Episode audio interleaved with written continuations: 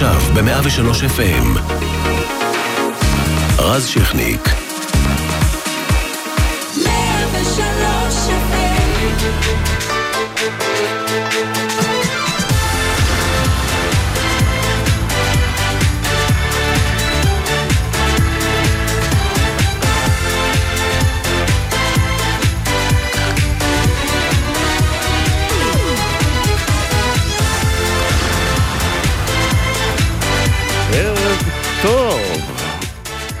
ערב טוב ושבוע טוב אה, בנעלי איריס קול שיצא לחופשה. אה, אנחנו נעשה לכם אה, את השבוע עם כל כותרות תרבות, כרגיל מדי ערב, מה הערב על האש, אז ככה. הזמרת והיוצרת חווה אלברשטיין היא אחת ממקבלי ומקבלות עיטור הנשיא לשנת ה-75 למדינה עבור תרומה יוצאת דופן למדינת ישראל, אה, כמובן. בנוסף אליה יקבלו את אותו עיטור העיתונאית כרמלה מנשה, אה, הכדורגלן ביברס נתחו והיזמת החברתית עדי אלטשולר. העיטור יוענק לזוכים בטקס חגיגי בבית הנשיא בחודש ספטמבר הקרוב. אה, ליהוק וולקאם בכוכב הבא. עדן חסון מצטרף במקום נינט uh, שעוזבת, הוא ישפוט לצד שירי מימון, קרן פלס, איתי לוי, אסתם אמדורסקי ורן דנקר. Uh, כזכור, קשת מקבלת בעצם uh, בחזרה את בחירת הנציג הישראלי לאירוויזיון 2024 בשוודיה, אחרי ההצלחה של נועה קירל. ואפרופו קירל, מי אם לא היא, סולד אאוט מדהים מטורף, תקראו לזה מה שאתם רוצים. אה, כ-65 אלף כרטיסים לפחות לפי דיווחי ההפקה נמכרו תוך שעות, מה שמוביל לכינוי שלה כביונס הישראלית לדעתי. אה, כמובן שבהפקה רוצים אה, אה, לקיים מופע נוסף, והתאריך המיועד יהיה יומיים אחר כך, 23 בספטמבר. אבל, אבל, אבל, החדשות של הערב מגיעות מכיוון הספורט. נבחרת ישראל, עד גיל 21, כלומר עד גיל 23, תשחק באולימפיאדה פריז 2024. פעם ראשונה מאז אולימפיאדת מוטריאול 76, ומי יותר אה, מתאים לפתוח את הערב הזה אם לא שר התרבות והספורט? מיקי זוהר. היי, שלום, ערב טוב. שמע, זה מצוין. ערב מעולה, איזה ערב אה, מרגש, זה, זה פשוט מדהים וואו. שנבחרת ישראל בכדורגל תהיה באולימפיאדה. אני, אני מתרגש אה, גם עכשיו, באמת. תשמע, אני עדיין לא התאוששתי מהחצי גמר אה, מונדיאליטו של נבחרת הנוער. כן. ואנחנו בחצי גמר אליפות אירופה, עם העפלה לאולימפיאדה של החבר'ה הצעירים שלנו בפריז 2024. ובאמת, היינו כחולמים, זה, זה תור הזהב של הכדורגל הישראלי, ואני מקווה גם שעוד נמשיך לראות אה, ולקצור פירות ביתר ענפי הספורט, אני חושב שאנחנו במסלול נכון, ובקרוב מאוד אנחנו נהיה לא פחות ממעצמת ספורט, אנחנו בדרך הנכונה. ובעזרת השם נמשיך להשקיע. תשמע, בסוף אה, זה, אתה יודע, בסוף יגידו, אה, תראו, מיקי זוהר הגיע למשרד הספורט, כבר שני הישגים כאלה גדולים, איפה? בוא נאמר כך. איפה היית עד היום? לא יכול לתקוף לזכותי את ההצלחות, אבל אולי אני הברקה, אני יודע, זה הדבר היחידי שאני יכול עוד לחשוב, אבל מעבר לזה אני יכול להגיד שבאמת, החבר'ה הצעירים האלו, משקיעים. אבל לא, באמת, מיקי, אתה, אתה מרגע שנכנסת לתפקיד, ואני עד לזה מימים ראשונים, באמת עשית את זה במלוא הרצינות ולמדת וחקרת, וראיתי את הרכבת שקורית במשרד שלך, של אנשים שבאים ויוצאים, אה, ו, ולמדת קצת מקרוב על הנבחרות. מה, מה אתה חושב עושה את ההישגים האלה הפעם, על רקע שנים של כישלונות ברגעי האמת, ברגעים האלה שבהם אנחנו צריכים את האופי, כמו אתמול בפנדלים, אה, ופתאום, דווקא אנחנו, נבחרת ישראל, ישראל, זאת שאמרו עליה תמיד שהיא uh, תמימה ו- ותמיד נופלת ברגעים המכריעים, והנה היא, uh, היא עושה את זה. איך אתה רואה את זה ככה מקרוב? בסוף זה קודם כל אה, שנים ארוכות של השקעה והתמדה, גם של הקבוצות ספורט השונות שמשקיעים בשחקנים שלהם, וגם בשחקנים עצמם כמובן, שקמים כל בוקר ומתאמנים ומשתפרים. ואתם יודעים, אנחנו רואים משחק אחד או שניים ורואים את הניצחון, אבל אנחנו לא באמת יודעים כמה שנים של השקעה אותם חבר'ה צעירים השקיעו כדי להגיע למצב הזה בו הם יכולים באמת לנצח ולהפיל לשלבים כאלו מכריעים. את זה החבר'ה הצעירים האלה עושים וזה שאפו גדול להם. וכמובן למאמן שלהם, שלמאמנים, כן. גם, גם לגיא לוזן וגם לאופיר חיים שמאמן את הנבחרת, אה, הנוער, הם פשוט עובדים עם הילדים הצעירים האלו יום יום ומגיעים איתם להישגים, זה פשוט שאפו ענק. אתה יודע, ה, כמו שאומרים, קלישה עם האוכל בא התיאבון, אתה אה, בעקבות ההישגים האלה, אתה מתכוון אה, אה, להשקיע יותר תקציבים במה שנקרא אקדמיה לכדורגל, בהשקעה בנוער. חד משמעית כן, עשינו את זה בדיוק. סגרנו עם התאחדות לכדורגל ועם איגוד הכדורסל שבשנה הבאה אה, יש תקצוב מלא לאקדמיה בצפון ולאקדמיית כדורסל בדרום ובשנת 24 נעשה את הפעולה ההפוכה, נקים אקדמיית כדורגל בדרום ואקדמיית כדורסל בצפון. אנחנו נשקיע באקדמיות ובפיתוח ספורטאים צעירים, זה דור העתיד שלנו, בכל אקדמיה יהיו כמה עשרות, אפילו יכול להיות קצת יותר ממאה טאלנטים אה, מכל אה, ענף, Mm-hmm. אה, ובפרט בכדורגל במקרה הזה, ואנחנו נראה אותם אה, מתקדמים ומשתפרים ומקבלים את כל הכלים, אם זה מאמן מנטלי ומאמן כושר ומאמן זאת אומרת, מתחילת הדרך, עכשיו- ותזונאי והכל, כל מה. שצריך. אולימפיאדה, אה, שנבחרת כדורגל באולימפיאדה זה אירוע גדול, זה אמנם לא אה, הטורניר החשוב בעולם, יש את היורו לפני והמונדיאל, אבל אתה יודע, כן, טורניר השלישי בחשיבותו, וזה הישג היסטורי. יש תוכניות מגירה למשל לשהות של נבחרת כזאת באולימפיאדה, כי אתה יודע, זה כבר מגדיל את המשלחת של הספורטאים בהרבה מאוד אנשים. אני צריך להגדיל את התקציבים של ההכנות האולימפיות. אני אדון על זה כמובן ישירות עם ראש הממשלה ועם אה, שר האוצר, שהם יצטרכו אה, לתת את התקציב המתאים, מה לעשות. ההצלחות מביאות גם הוצאות, ואלו הוצאות שאנחנו מברכים עליהן במדינת ישראל. כן ירבו הוצאות מן הסוג הזה, שמביאים גאווה ענקית לכל אזרחי ואזרחיות ישראל, ואנחנו נערכים גם לעניין הזה. יפה, אז זה בצד השמח, אבל uh, בצד הפחות, uh, uh, שערות uh, גם פוקדות את uh, משרדך. Uh, uh, בשבוע שעבר היה את uh, עניין הספרות. Uh, בעצם 66 כן. אנשי אקדמיה וסופרים פרסמו ביום חמישי מכתב uh, חריף, נזכיר, uh, אתה רוצה למנות את, מינית בעצם את נווה דרומי, דורטו גדי טאו ובני ציפר לוועד הנאמנים של פרסי הספרות, בני ציפר בעצם נאלץ לוותר או ויתר בעקבות... הוא נאלץ לוותר כי עיתון הארץ כן, כי עיתון הארץ הוא לא... עיתון של אנשים חושבים, אז אתה חייב לחשוב כמוהם. כי אתה לא אוקיי. חושב כמוהם, אתה בבעיה, כן. אז הוא נאלץ לוותר, בסדר? לקחתי את העקיצה אה, מעיתון הארץ, אה, הם כמובן טוענים ש- אוקיי. אה, שאחרת. אה, אבל אני אומר, מה, מיקי, עכשיו בוא לא נדבר על אה, דרומי וגדי טאוב ובני ציפר, אה, כי אה, כל אחד שיבוא יכול למצוא יתרונות למינוי הזה וחסרונות, וגם אם מישהו יגיד שהם לא בדיוק אנשי ספרות מובהקים, אז אה, יבואו אחרים שכן, אני לא רוצה לדון באנשים האלה בפרט, אבל... במה כן? אתה הרי פוליטיקאי משופשף, ו- ויצא לנו לדבר לא מעט, ואתה יודע שלפעמים, גם אם, גם אם הצד צודק, ואני, אתה יודע, אתה אומר שהוא ענייני לחלוטין, ואתה רוצה גיוון דעות וכולי, הרי ז- ב- ב- במצב כזה ובימים כאלה, זה כמו לדחוף אצבע בעין לחבר'ה. אה, אה, אתה, אתה מבין מה אני אומר? חלילה, האמת שזו לא הייתה הכוונה, אני רק רציתי להגיד דבר אחד נוסף. אני עכשיו חוזר מהצגת אה, טרום פרימיירה של שנות התשעים, שתוקצבה על ידי קרן קולנוע שומרון. אוקיי. ואנחנו שמענו גם באותה, באותה פרימיירה או טרום פרימיירה, אמירה של לא מעט אה, אנשי קולנוע ואנשי אה, יצירה שאמרו שהם יחרימו את הקרן הזאת שנקראת קרן השומרון, משום שהיא מגיעה מיהודה ושומרון ולא מתוך נניח תל אביב או מרכז הארץ. באותה נשימה שמעתי שיש גם חרמות מצד אה, מספר סופרים שחושבים שאני בחרתי אה, לוועדה אנשים שבעיניהם הם מזוהים פוליטית. עכשיו תשמע, מה שנכון, אני- מזוהים אני פוליטית, יכול- אבל זה, זה בעיניי לא, לא חשוב, אני לפחות בעיניי זה משהו. לא כזה, רז, כן. אני אומר לך דבר אחד, הימים בהם אנחנו מתרגשים מחרמות ומכל מיני אה, התנהלות אה, מן הסוג הזה נגמרו.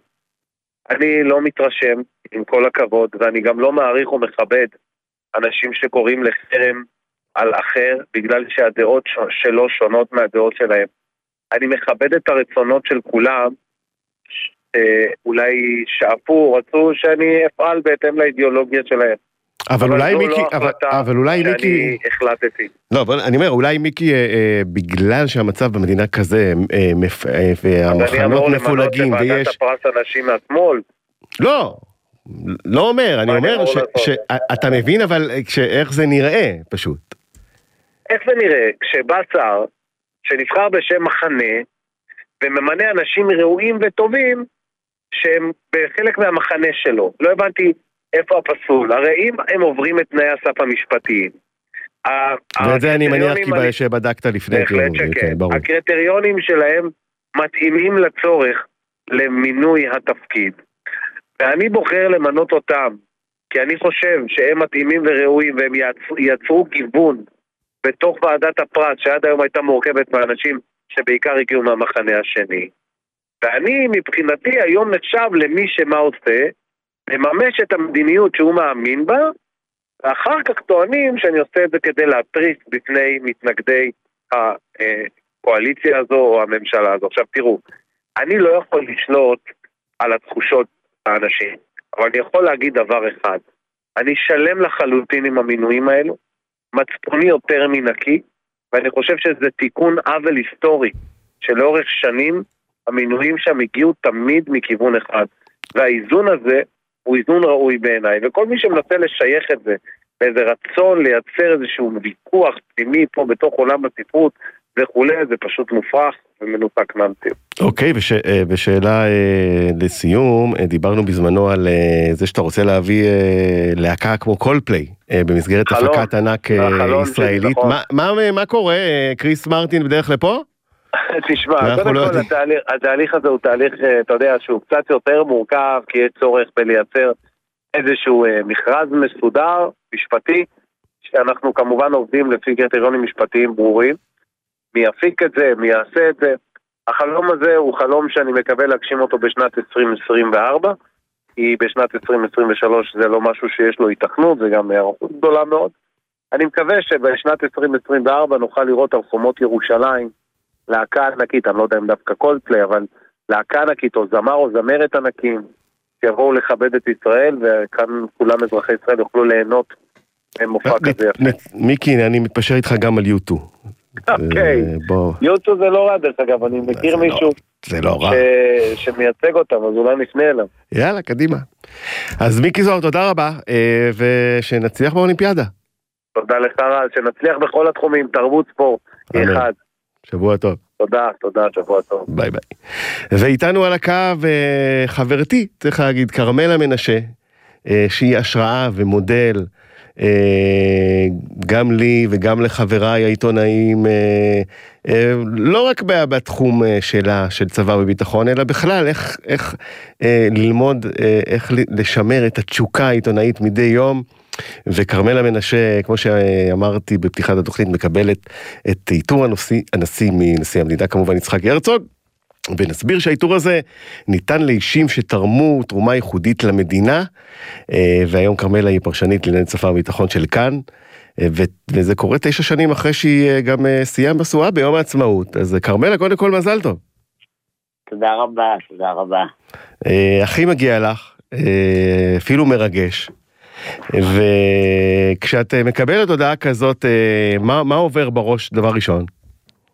קודם כל אני נורא התרגשתי טוב הנשיא, אני מה... מצלצל אליי, אני אמנם עיתונאית, מדברת עם... אה, אבל טלפון פתאום מצלצל נשיא המדינה, שלום, מדבר נשיא המדינה.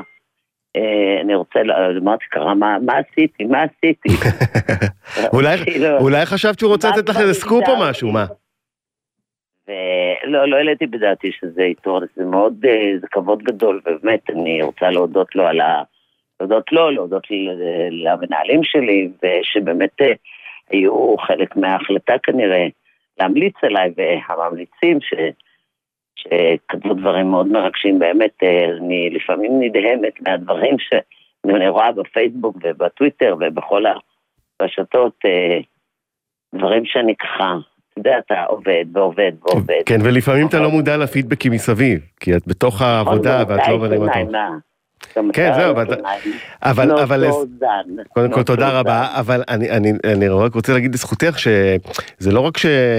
לא אומרים שבחו של אדם לבנה, אבל תסלחי לי, לא רק שאת עיתונאית מעולה, גם יצרת ג'אנר, יצרת חותם משלך, וזה העניין, הד- הדבר הזה של הדאגה אה, לחיילים, לחייל הפשוט, לשינוי היחס בצבא למתגייסים, לשוויון ב, לנשים.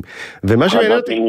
בדיוק, ומה שמעניין אותי, כרמלה, הרי שהתחלת לסקר, אני לא מניח שאמרת לעצמך, אני אהיה זה שאביא את השינוי החברתי בצה"ל, או, או, או, או הציף את עוולות החיילים. אה, קיבלת את תיק הצבא והביטחון, ואני מניח שרצית להביא סקופים על מבצעים צה"ליים, או מינויים ראשונים, כמו כל אחד. אבל איך הלך דווקא לכיוון הזה? כלומר, מה הרגע ש, שאמרת לעצמך, אני לוקחת את הכיוון דווקא הזה, השני, של בתוך קודם כל הצבא? לא החלטתי, לא החלטתי, לא החלטתי, כי באמת, כשהתחלתי לעבוד זה היה תחילת האינתיפאדה הראשונה, והכל היה סביב אלימות ושטחים, ועזה בעיקר, הייתי המון בעזה. ו... כן, התחיל, אה, הסימנים התחילו באמצע שנות ה-80, כמובן, 87, אה, כן. כן. כן, 87. ואני מוכרחה להגיד, עבדתי בידיעות אחרונות גם. במקביל, תקופה החלפתי את הכתב, והייתה, היה שם ורדי. משה ורדי. זיכרונו לברכה, עורך מיתולוגי, כן, שלנו. ורותי, שעבדו שם. רותי בן ארי. והבאתי רכזת. ידיעה שחשבתי שהיא לא ידיעה, ידיעה כזאת שקשורה לחיילים. והם הסבירו לי, השניים האלה, ואת זוכרת מה הייתה שזאת הידיעה? הידיעה שהם רוצים, אלה הדברים שהחיילים קוראים. נכון. ושם אני חושבת שזה התחיל. אבל, אה, אבל הדברים האלה, הנושאים האלה, הם כל כך אה, חשובים. אתה אומר כמה, הרי בסוף אתה, אם אתה 40 שנה, אתה, את 40 שנה בתחום מסוים, אין Mhm. דבר כזה שאתה לא תלמד אותו ותכיר אותו ותדע לדבר על הטיל ועל המערב ועל הפעילות המבצעית.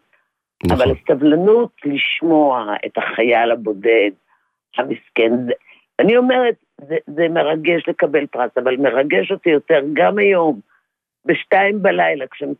רק לפני שבוע, מהמם, בשתיים בלילה מצלצל אבא של חייל, שאני יודעת שאם הוא מצלצל בשתיים בלילה, הוא חשב עשר פעמים לפני שהוא הרים טלפון, בטוח. והוא במצוקה נוראית, ואתה מציל חיים, עשית את העבודה. איזה אי כזה... אפשר לא לענות, אומרים לי, מה את מחלקת את הטלפון שלך? אני חושבת שאם מישהו מצלצל... מה זאת אומרת? אבל לפי המיתולוגיה, ותקני אותי אם אני טועה, המספר טלפון שלך היה כתוב בכל בסיס צה"ל, כן, נכון? נכון. היה, אם אתם בצרות, זה המספר. אני מוכרחה לספר לך סיפור שהוא משעשע דווקא. יום אחד אני מקבלת... היה סטיקר, גם מזכיר לי נכון, אסף נבו, שהיה סטיקר, אותך לכרמלה. כן. נכון? זה... אבל, אבל, אבל זה לא קשור לסטיקר, אני כן. אספר לך סיפור נחמד. יום אחד מצלצל אליי ערבי מפלסטיני מטול כרם. הוא בוכה בטלפון ואומר לי, הרסו לי את הבית, ישבו אצלי ארבע שנים, צרכנים, לא צרכנים, אמרת חיילים, הוא לא יודע להגיד צרכנים. מהמם, ואני לא יודע מה לעשות, הרסו לי את הבית, למי לפנות? אמרתי לו, תן לי את הטלפון שלך ואני אני אפנה את זה למשרד הביטחון, אני מגיע לך שיתקנו לך. ואז מסקרנות שאלתי אותו, תגיד, איך הגעת אליי? אז הוא אומר לי, תשמעי, כתוב פה על הקיר, אם יש לך בעיה, תצלצל לכרמלה מנשה. סיפור אמיתי. אז אה, אתה יודע, כשאנשים הרי מגיעים אלינו, אל העיתונאים, וכרמלה, תגידי, חלק מהחיילים ככה שאת עוזרת להם, נשארים איתך, אני מניח, בקשר עם השנים ונוצרות חברויות. נכון, גם, בעיקר עם הורים שכולים, עם הורים שכולים, עם הכאב שלהם, עם הליווי שאתה מלווה אותם מהיום הראשון. אה, אני תמיד אומרת שהדבר הכי קשה בעולם זה הרגע שבו אתה כעיתונאי מקבל הודעה מעופלת, ואתה יודע שהבן שלהם נהרג והם עוד לא יודעים. והאימא עכשיו מסתובבת ועושה קניות לשבת לבן שלה שצריך להגיע, ואנחנו ביום חמישי יושבים וכבר יודעים ומחכים להודעה, כי האימא עוד לא יודעת. אני זוכרת את הסיפור של אה, אחד החיילים, שלימים נשארתי עם האימא מהמם. בקשר עם מנואלה דבירי, מנואלה דבירי, מהמם, אה, ושאלתי אותה, תגידי, למה ההודעה, אה, קיבלתי את ההודעה כל כך באיחור? ואז היא אמרה לי, נכון, כרמלה, היינו בבית קפה, במסעדה, אה, עד שהגיעו אלינו, לא ידעו איפה אנחנו נמצאים, אז לא היו פלאפונים, זה היה במלחמת, קצת, אה, זה היה בתקופת אה, המלחמה בלבנון. מהמם, ואתה פוגש אותם, ואתה זוכר אותם, ואני פוגשת חיילים, לא, השיא השיא היום מצלצלות סבתות, והחידושים הם אימהות אה, ממוצא בדואי וממוצא מהמם. דרוזי שבחיים לא התקשרו, וסבתות שמדליפות לי סיפורים תגידי, אבל. איך, אה, לא, לא שזה, אבל באמת, איך עונים לכל הפניות האלה? יש מישהו שעוזר לך? ש... ש... זה המון לא, פניות. אני בעצם. עונה לבד, כי אני גם יכולה לדעת לסנן, כי Mm. יש ידיעות, הרי 80 אחוז, אתה יודע, אני יודעת, כן, כל עיתונאי שעובד יודע שלא עובד עם הרשתות, כי לא עובד, כן. בטלפון. אני גם מעדיפה שידברו איתי, כי אני יכולה לסנן. מה זה לסנן? לדעת שיש פה, יד... זה ידיעה וזה טיפול. אז 80 אחוז אני מטפלת, ואני לא משדרת בכלל. מהמם. יש כאלה שמבקשים עזרה ואומרים לי, אנחנו לא רוצים לשדר. לא רוצים פרסום, כן. לא רוצים פרסום. אה, תשמע, העיתונות השתנתה, אני... היום גם, נכון, אחרי שהרשתות וכל אבא, וכל אימא ואבא. יכולים לעלות פוסט מתלונן לרשתות וזה אחרת, אבל אה, הע- העבודה שלך תמיד נדרשת, ואמרתי, את השראה אה, לכולנו, ומגיע לך. ומגיע לך. גם אתה, שנים, שנים של עבודה. שלא- לא, לא, אז הם מדברים עלייך עכשיו. לא משנה, זה המקצועיות, זה אהבה למקצוע, זה התשובה, זה התשוקה, זה ה... כשאתה רואה שהולכת להיות לך ידיעה טובה, זה את האדרנלין בדם. כן, זה. נכון, זה אתה כולנו. מכיר את זה, מכירים את ואם זה. אין לך את זה, ואם לא תצא באמצע הלילה, ואם לא תענה לטלפון, ואם תדחה ידיעה, שזה קורה לכתבים, ותגיד מחר, אין מחר, לנו- there is no tomorrow. אומרים אצלנו. יש רשת חברתית, זה יוצא הכל החוצה. בדיוק. ואני נורא באמת אה, חושב, אה, באמת מאוד התרגשתי מה... בצדק, התרג- התרגשנו בשבילך. תודה רבה. ותודה רבה כרמלה, ואנחנו תודה נדבר. רבה לך. ביי ביי. אה, ועכשיו איתנו על הקו אה, דניאל גרנט. אז ככה, אני, קודם כל גילוי נאות, אני את הוריו מכיר ואוהב אה, שנים ארוכות ארוכות ארוכות, והוא יצא לדרך חדשה בשנה האחרונה, דרך של מוזיקה, ועכשיו גם עם שיר חדש אה, בשם מתהפך עליי, אה, שהוא כתב, אה, לחן והפקה מוזיקלית של בן שופן. והוא איתנו על הקו, דניאל, מה העניינים? מה קורה? תשמע, כשהיית בן חמש, הגעת לאיצטדיון רמת גן. אבא היה בנבחרת ישראל, ואתה... כשהייתי בן חמש? אה, כן, משהו כזה. אה, היה אימון, היה גם, נדמה לי שהיה גם מכבי תל אביב שם, היה מין, מין איזה מפגש שגם מכבי תל אביב, גם אולי נבחרות, ואני ראיתי אותך בועט בכדור. אה, אני לא זוכר- כישרון. אני לא זוכר אם זה לאוברוב או לשוער אחר, אבל כן, מה זאת אומרת, הוא אמר שהיית חלוץ מחונן, ואם היית ממשיך בח- בדרך הזאת, אה, אולי היית כדורגלן גדול, אז אולי הפסדנו, היה לי- מסירות יפות. אולי הפסדנו. מישהו, אה, הלו, אולי הפסדנו מישהו מהאייטם הקודם של מיקי זוהר עם הנבחרת האולימפית? להיות, תשמע, הייתי- הי- הייתי מדויק, כן? לא היה לי כוח אבל, לא היה לי. לא רצית כדורגל. לא, מהר מאוד גם הבנתי את זה, האמת, בגיל נורא צעיר, הבנתי את זה, אבל אני חולה כדורגל, כאילו, בכל בחינה, אז התרגשת, אה, אני מניח. אה, כמו כולנו עם הנבחרת.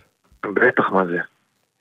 ברור. כן, יש חברים שם, אגב? מה שקורה עם הנבחרות הצעירות בכלל, יש לך חברים שם, אגב? לא, איפה, אני בן 29. עדיין, אני יודע. דרך הכדורגל, 29, דרך ה... אני עשור מעליהם כבר. אולי אתה מכיר את המאמנים? אי אפשר? לדעת. אני בקר, אני, אני פגשתי את אה, גיא לוזון כמה פעמים, Mhm. אה, אופיר חיים אסף, שחקן של אבא שלי. אני נכון, מכיר, ברור, או, אבל... אתה רואה, הנה, הנה אנחנו חופרים, אתה מכיר. אה, ברור. אבל אנחנו פה על מוזיקה, אה, וזה הגנים שאולי אני חושב לקחת מאימא יותר, אה, אם יורשה לי, של הת- לא מאבא. של התרבות ושל הבמה. אה, צופית, מי שלא יודע, היא אה, שחקנית מעולה גם והתחילה את הקריירה במשחק, מעבר להיותה אשת טלוויזיה. אה, ומתי התחילה הסריטה של המוזיקה אצלך? באיזה גיל? אה, בגיל מאוחר האמת, אני... זה היה מין פנטזיה כזאת שלא לא חשבתי אפילו על להגשים אותה או להגשים אותה, אני הלכתי לכיוון של המשחק יותר מגיל מאוד מאוד צעיר, אני ידעתי שאני הולך ל- ל- לעולם של המשחק. ו- שזה לגמרי בדרך של אימא. כן, לגמרי, וגם היום, כן, זה לא, זה לא סותר מבחינתי, זה לא, לא משהו שוויתרתי עליו בעקבות המוזיקה, זה לגמרי ביחד עם זה מבחינתי. אבל, אה, ובשנים האחרונות האמת, בגיל אחרי צבא, אני, כאילו זה היה מין חלום כזה, המוזיקה, והתחלתי לכתוב, אבל ממש לא היה לי אומץ להראות את זה, ונורא התביישתי, ונורא הובכתי. למה בעצם? כי, כי הרי אמא שלך היא הדבר הכי טוב להראות לו את זה, אה, היא, היא מבינה, היא, היא באה מהתרבות, היא... כן, אבל אתה יודע, א', היא לא מוזיקאית, אבל זה לא קשור, אני פחדתי, א', כי הרגשתי ש... שקצת... זה נורא חשוף, Mhm. זה היה נורא נורא חשוף, הכל נורא חשוף, אני... ויצא לי ככה נורא חשוף גם, ונורא נורא התביישתי, אני לא הרגשתי שאני עדיין, יש לי את הביטחון שם ברמת ה... לא הקראתי את זה. ומתי, אז, אה, מה הטריגר שנתן לך את הביטחון פתאום פשוט לחשוף? התחלתי, פשוט כתבתי וכתבתי וכתבתי עד שהכרתי אה, חבר והתחלתי, נכנסתי איתו לאולפן ועדיין לא סיפרתי. ואז כשהיה לי כמה סקיצות, הכירו, הסוכנת שלי, זוהר, שהיא הסוכנת גם שלי, אז זוהר יעקובסון הכירה אותי. לגדי גידור, שהוא Mhm. מנהל את כל הפרויקט, והוא מנהל אותי בכל המקום הזה. כן, גדי ו- גידור, אחד האנשים המרכזיים בתעשיית המוזיקה הישראלית כן, בעשורים האחרונים. הוא ואני התאהבנו, ו... ואז הוא הכיר אותי לבן, שאני ובן זה גם סיפור אהבה, שהוא השותף שלי הבכיר לכל ה... שגם מלחין את ה... שהתחיל את השיר האחרון והפיק מוזיקה. הוא עושה לי את כל ההפקות, כל האלבום, הפיק לי את כל האלבום. מהמם. הפיק לי את כל האלבום, ויותר מזה גם, יש- ישבנו, יש שעות ארוכות בשנה וחצי הזאת, שאני בתוך האולפן, אני והוא, ו... ומתהפך עליי, אה, אה, אמרת שאתה כותב, כתבת על מערכת יחסים כלשהי. כן, כתבתי אותה על אה, מערכת יחסים שהייתה לי בחיים, לא בהכרח בקטע של טוב או רע, פשוט על- החוויה... זוגיות, בת זוג. או... כן, כן. בת זוג שהייתה לי. זה כאילו על כל מה שעברתי דווקא אחרי, זה לא... וזה גם יותר על משהו... אני הרגשתי שעוברים ככה מערכות יחסים, אני הרגשתי אחרי זה גם אחרי מערכת יחסים שהיה לי בגיל יותר צעיר. ו... מהמם. והדבר הזה שאתה כאילו, אתה מבין דברים יותר בדיעבד, כאילו, אתה כל כך רוצה משהו כשאין לך אותו ודברים כאלה, וזה בא, בא ממקום כזה השיר הזה, אבל כן, ואיזה זה היה בהש... בהשראת מערכות יחסים שהסתיימו. ו- ואיזה סוג מוזיקה אתה רוצה? מה, מה אתה רוצה לתת לעולם? לעולם? זו שאלה גדולה ודרמטית, מה אתה רוצה לתת כן. לעולם? אבל איפה דניאל גרנט יהיה מיוח, מיוחד, י- יתאים- ישים את החותם שלו במוזיקה? כי זה קשה מאוד. אה, שאלה גדולה ודרמטית, אני אתן לך גם תשובה כאילו הכי שנשמעת כאילו זה, אבל אני רוצה, אני רוצה באמת באמת באמת, השנה וחצי הזאת של היצירה הזאת של האלבום וכל השנים, השנים האחרונות שאני כותב בכלל לפני שנכנסתי לאולפן, באמת זה היה אחד הדברים היותר כיפים שהיו לי, והכי הרגשתי כאילו שזה המקום שלי, ואני רוצה להמשיך, ל- פשוט להמשיך ולהמשיך ולהמשיך, הלוואי ועוד כמה שנים מדבר איתי ואני אחרי כמה אלבומים כבר, אבל... Mhm. אה, ותיקח אותנו נגיד לסוג של מוזיקה שאתה עושה אתה יותר פופ או רוק, או כי שמעתי את המוזיקה, אז זהו. ואי אפשר? לאפיין אותה כרגע כמשהו שנכון, הוא לוקח קצת מפה וקצת משם, תשמע, זהו, אני, אני אישית... וההפקה אני- מאוד אני- מעודכנת אה, אה, כן, ומתכתבת אבל עם מאוד אני, מאוד אני משהו. לא יודע להגיד לך איפה זה, זה, אני מושפע מראפ, אני, Mhm. אני מושפע מ, מ, מ. מראפ, מ... זה העולם שלי יותר. אני, אני מאוד אוהב גם רוק, וגם שומעים את זה גם במוזיקה שלי קצת, שומעים באלבום, בביט יותר ודברים כאלה, אבל אני הייתי מאוד מושפע מראפ. המוזיקאים האהובים עליי במהלך חיי, אחי, לרוב היו ראפרים, זה לא היה רק, אבל לרוב זה, היו ראפרים. ונגיד מי, המוזיקאים שנותנים לך השראה ביצירה, בהלחנה? זה כל כך השתנה במהלך החיים, אני בשנים... נכון בשנים לעכשיו. האחרונות אני שומע מלא, מלא, אני שומע טונה ורביד ו... ו... אתה יודע, וואי, אני בדיוק היום דיברתי על זה, הפלייליסט שלי הכי מגוון בעולם, אני הסתכלתי סתם, אתה, אתה Mhm. יכול לראות אצלי הכל, מראפרים, מטופק ו... ו... וטונה ל... הכל, ואתר בנאי ואז עדן בן זקן ועומר, אני אוהב הכל. מגוון.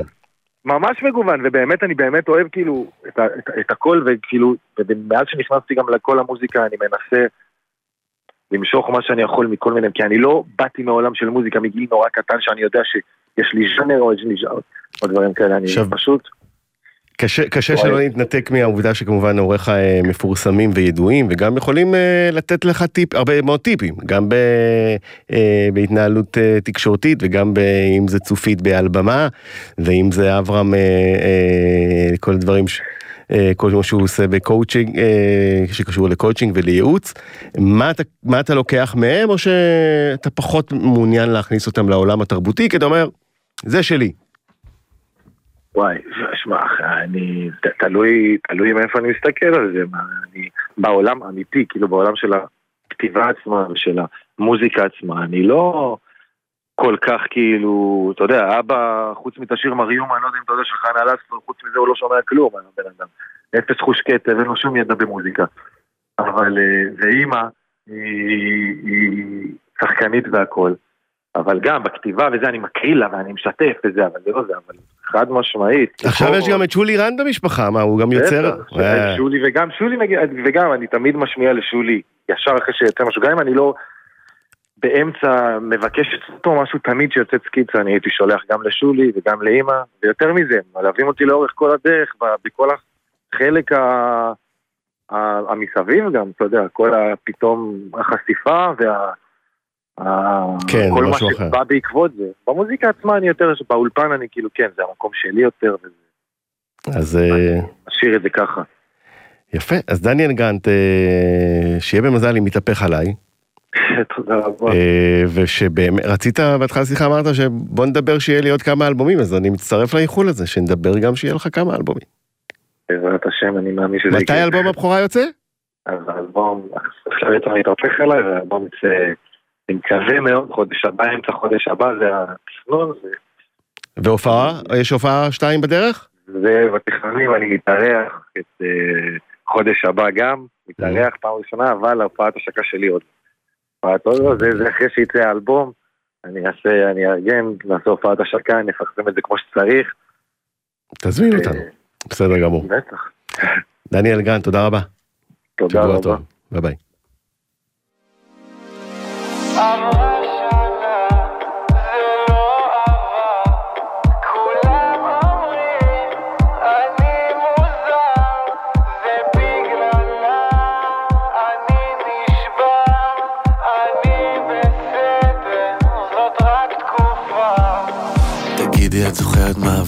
זוכרת את היום האחרון שבו דיברנו? את זוכרת מה אמרנו? אני זוכר כמעט הכל. מהרגע שנפרדנו אני לא מפסיק לשאול אם פספסתי בגדול. אולי באמת נועדנו, איך פספסתי את הכל? אני לא ראיתי אז אותנו. עכשיו אני לא יכול לבכות להתחרט. אני חשבתי שנתתי את כל מה שיש לתת. ואם לומר את האמת כשבן אדם נשאר לבד ברגע של ייאוש חולם על כל מה שעבד. הייתי נגד אהבה כשהם כולם היו בעד. ככה בני אדם הם אוהבים בדיעבד. אני לא ילד מיוחד בדיוק כמו כל אחד. אני לא רוצה להיות לבד לא רוצה. אולי עשיתי טעות. לא הרגשתי שום דבר חוץ מריקנות. בגללך, בגללי,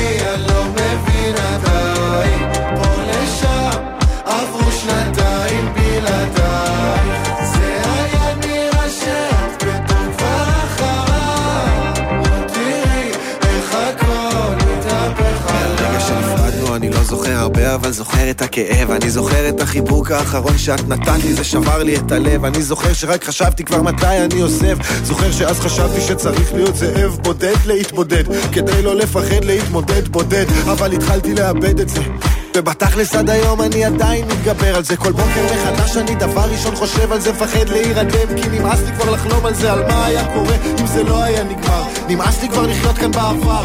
כל דבר חדש היום מרגיש לי מיותר. אפילו הכאב שחדר לעצמות עבר. לא הרגשתי שום דבר. חוץ מריקנות. בגללך, בגללי,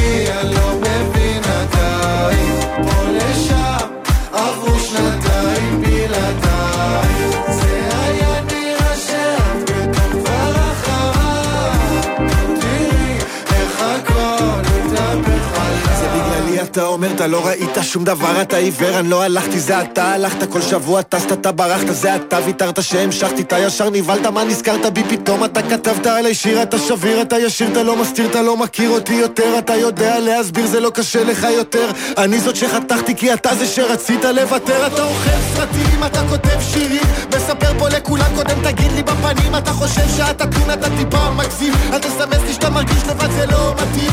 נסביר לך בדרך שאתה תבין החטאת את הפנדל בדקה 90 אתה לא לוקח סיכונים אתה בעטת לאמצע כי פחדת לכוון לחיבור. בגללך, בגללי, אני לא מבין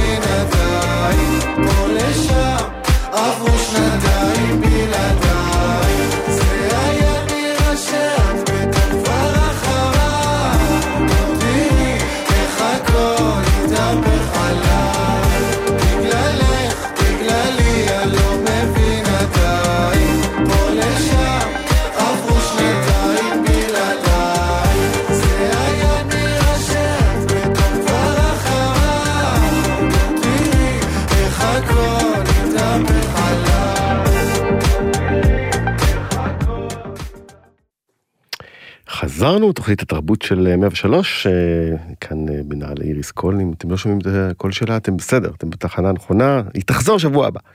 אה, השחקן זוכה האוסקר, אלן ארקין הלך לעולמו בסוף השבוע, היה בן 89, הוא יהודי, מה אתם יודעים, מן הסתם ניחשתם גם אם אתם לא מכירים לפי השם ארקין, והוא זכה באוסקר כאמור על ליטל מיס סנשיין, תפקיד משנה, נדמה לי שזה היה המועמדות השלישית שלו, אחרי פעמיים של אכזבה, אבל עוד מעט אה, בנימין חברי אה, אה, יצליב את המידע הזה אם הוא נכון, וחוץ מזה ברקורד שלו נמצאים בודדה ואפלה, והמספריים של אדוארד המיתולוגי, והרוסים באים, הרוסים באים, וכמובן מלכוד 22 בתור הקפטן, ואיך אפשר בלי ארגו, סרט שבעצמו זכה באוסקר. ושם הוא ממלא בעצם אה, מין תפקיד כזה של אה, עצמו, וואנאבי, אה, ומתכתב עם העולם שלו. חוץ מזה הוא היה גם בבריחה מסוביבור, סרט טלוויזיה מאוד ידוע.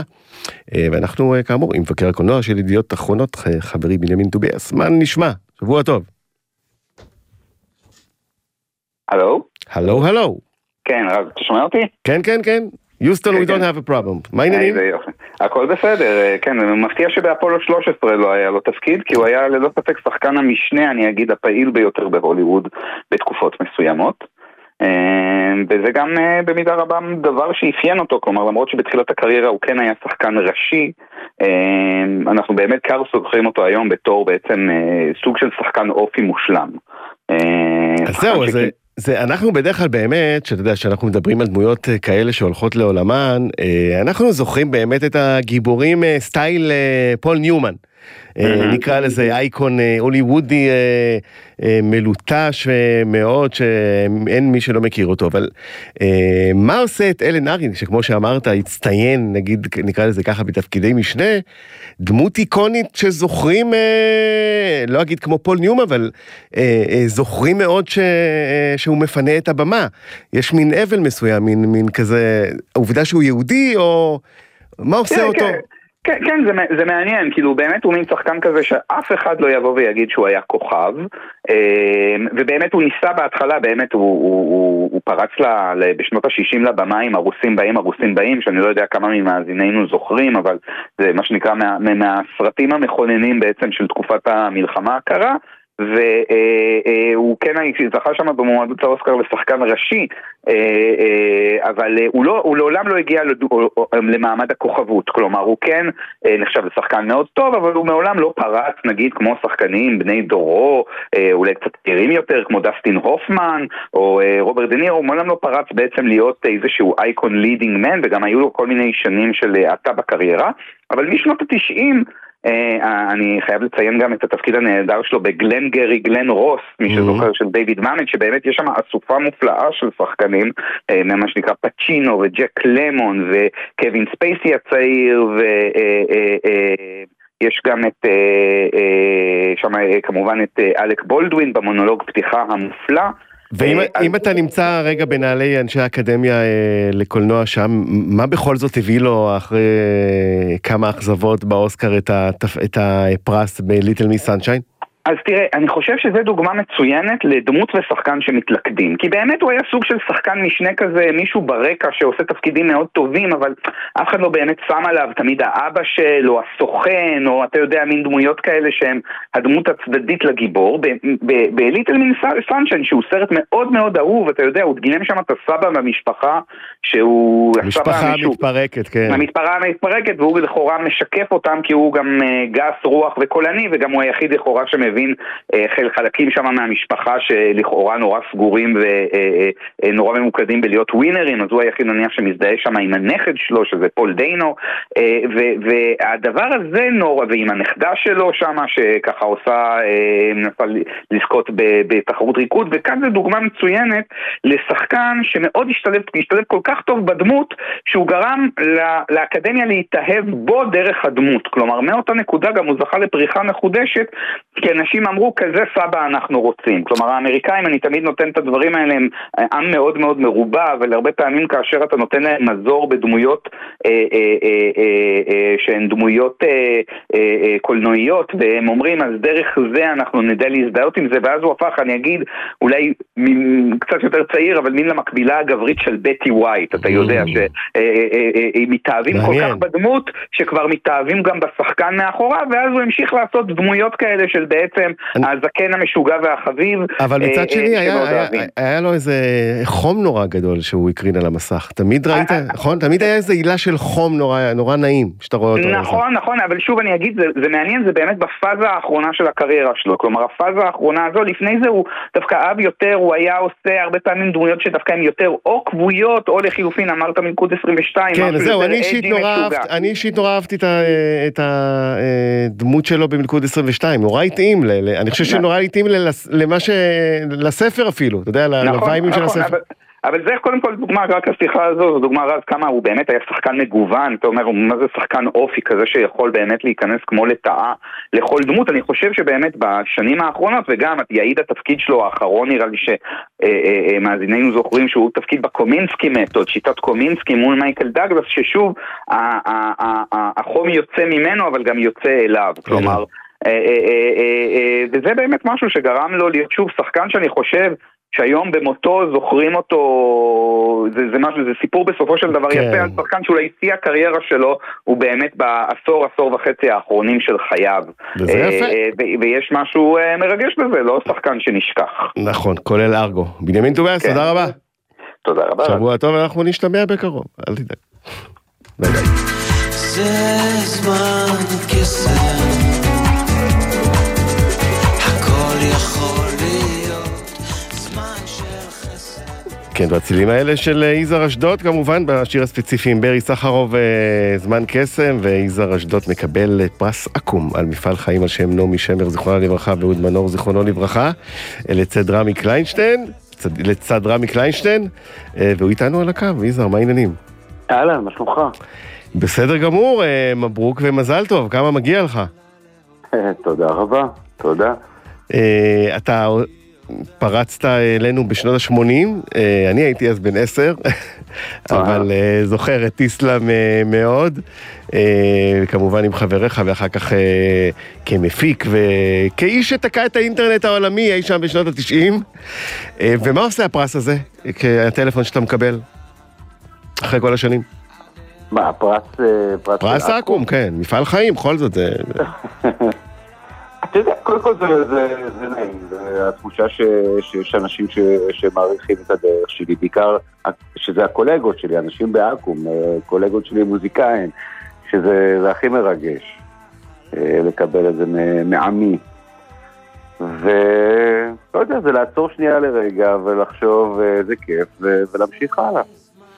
אה, אני, אתה יודע, אני פיתחתי לעצמי מין מנגנון כזה אה, במשך השנים, בגלל שאתה יודע, יש ביקורות טובות ורעות, אז כשיש ביקורת רעה, אה, להתאבל עליה, לכעוס ולהיות עצוב עשר דקות, ו- ואותו דבר עם ביקורת טובה, עשר דקות לשמוח ולצעול, ולהמשיך הלאה. לא לקחת את זה יותר מדי לראש וללב. ו- ו- וזה גישה נכונה, ולקבל פרס על, אה, על שמה של אחת היוצרות הכי גדולות, אה, נעמי שמר, זה, זה גם משהו, זה נכון? מר- כן, זה מרגש, תשמע, אין ספק, נעמי, מה אני יכול להגיד? הייתה לנו אה, תקופה שבילינו שנתיים יחד בדירקטוריון של אקו"ם בסוף אה, שנות התשעים, ונעמי גם נתנה את היוד השלישי בשם של אילי, הבן שלנו. אה, עוד, לא ואני ידעתי, איך זה קרה? לאיית את זה, ואמרתי, אילי זה עם יוד אחד, לא יבטאו את זה נכון, היא אמרה, תוסיפו עוד אחת. אני לקב- היא צריכה לקבל קרדיט זכויות יוצרים במשפחה, לגמרי. לדעתי. ומה בימים האלה על הפרק? אתה כמובן אה, הרבה הופעות, אה, ואם תסלם עדיין מופיע, יש דברים אה, חדשים ותוכניות לבאות? קודם כל, באמת מופיע הרבה השנה, באמת בסיבוב הופעות, לקראת סופו של סיבוב הופעות שחוגג 30 שנה שלי ושל קריירת הסולו שלי, מהאלבום הראשון שלי, זה כבר 31 שנה בעצם. והייתה סדרה של הופעות שהערכתי קולגות, חברים שלי אה, מכל השנים, אה, ברי סחרוף ודנה ברגר וטיסלן ומוניקה סקס ופיטר רוט והרבה אנשים, לא, לא אזכיר את כולם, אבל זה יצא כל כך יפה ש, שאני מוציא אלבום בהופעה חיה, אה, עם כל הביצועים המשותפים עם החברים האלה, וזה יצא בעוד עשרה ימים, משהו כזה. איזה כיף. עכשיו, אה, כשאנחנו מדברים עכשיו, וקצת אה, אולי, אה, לא יודע, אולי אני מגזים, אולי אתה רואה ככה תמונות מהקריירה לאורך ה- הדרך, ושאלה קצת בנאלית אולי, אבל כשאתה הקמת את טיסלאם, ורק התחלת, האמנת שאיפשהו 42 שנה אחרי, נש... נדבר בטלפון באיזה אולפן ישראלי ונזכור, זאת אומרת, זה עלה בראש שאני, שאני כאן כדי, כדי להישאר בגיל הזה, או שזה היה משהו, מין פרויקט זמני ועוברים לחיים האמיתיים? תראה, קודם כל, אה, יש לי, אתה מעלה בשאלה הזאת המון המון דברים אה, שונים ש- בתחושות שלי ובזיכרונות שלי. קודם כל, כשאתה בן 20, והיינו בני 20 כש- כשהקלטנו את האלבום הראשון של טיסלאם, כשאתה בן 20, אתה לא יודע לחשוב דקה קדימה, בטח לא 5, 10 או 40 שנה, אתה לא יודע שיש דברים כאלה. אתה רק חושב על, על מה שאתה עושה עכשיו ואיך לעשות אותו הכי טוב. היה לי ברור אבל שזה מה שאני רוצה לעשות בחיים, שאין אין, אין לי אופציה שנייה, אני הולך להיות מוזיקאי. אני הולך להיות מפיק, ואני רוצה לכתוב שירים, ואני רוצה לנגן, ו- ולהיות, ולעשות לעשות מוזיקה, ואין עוד אופציה, זה, זה היה דתי במובן הזה. אה, אתה שאלת, אמרת, ש... אמרת משהו, אה, אולפן רדיו ישראלי. אם היית אומר לי בגיל 20, שאני הולך לחיות מהמם. את כל החיים שלי בישראל, ושאני הולך לשיר בעברית, זה היה נראה לי מדע בדיוני. ועובדה, זה קרה. אז יזהר אשדוד, תודה רבה ומזל טוב. אנחנו נשתמע תודה רבה בקרוב. לך. תודה, בטח. תודה, ביי. ביי ביי.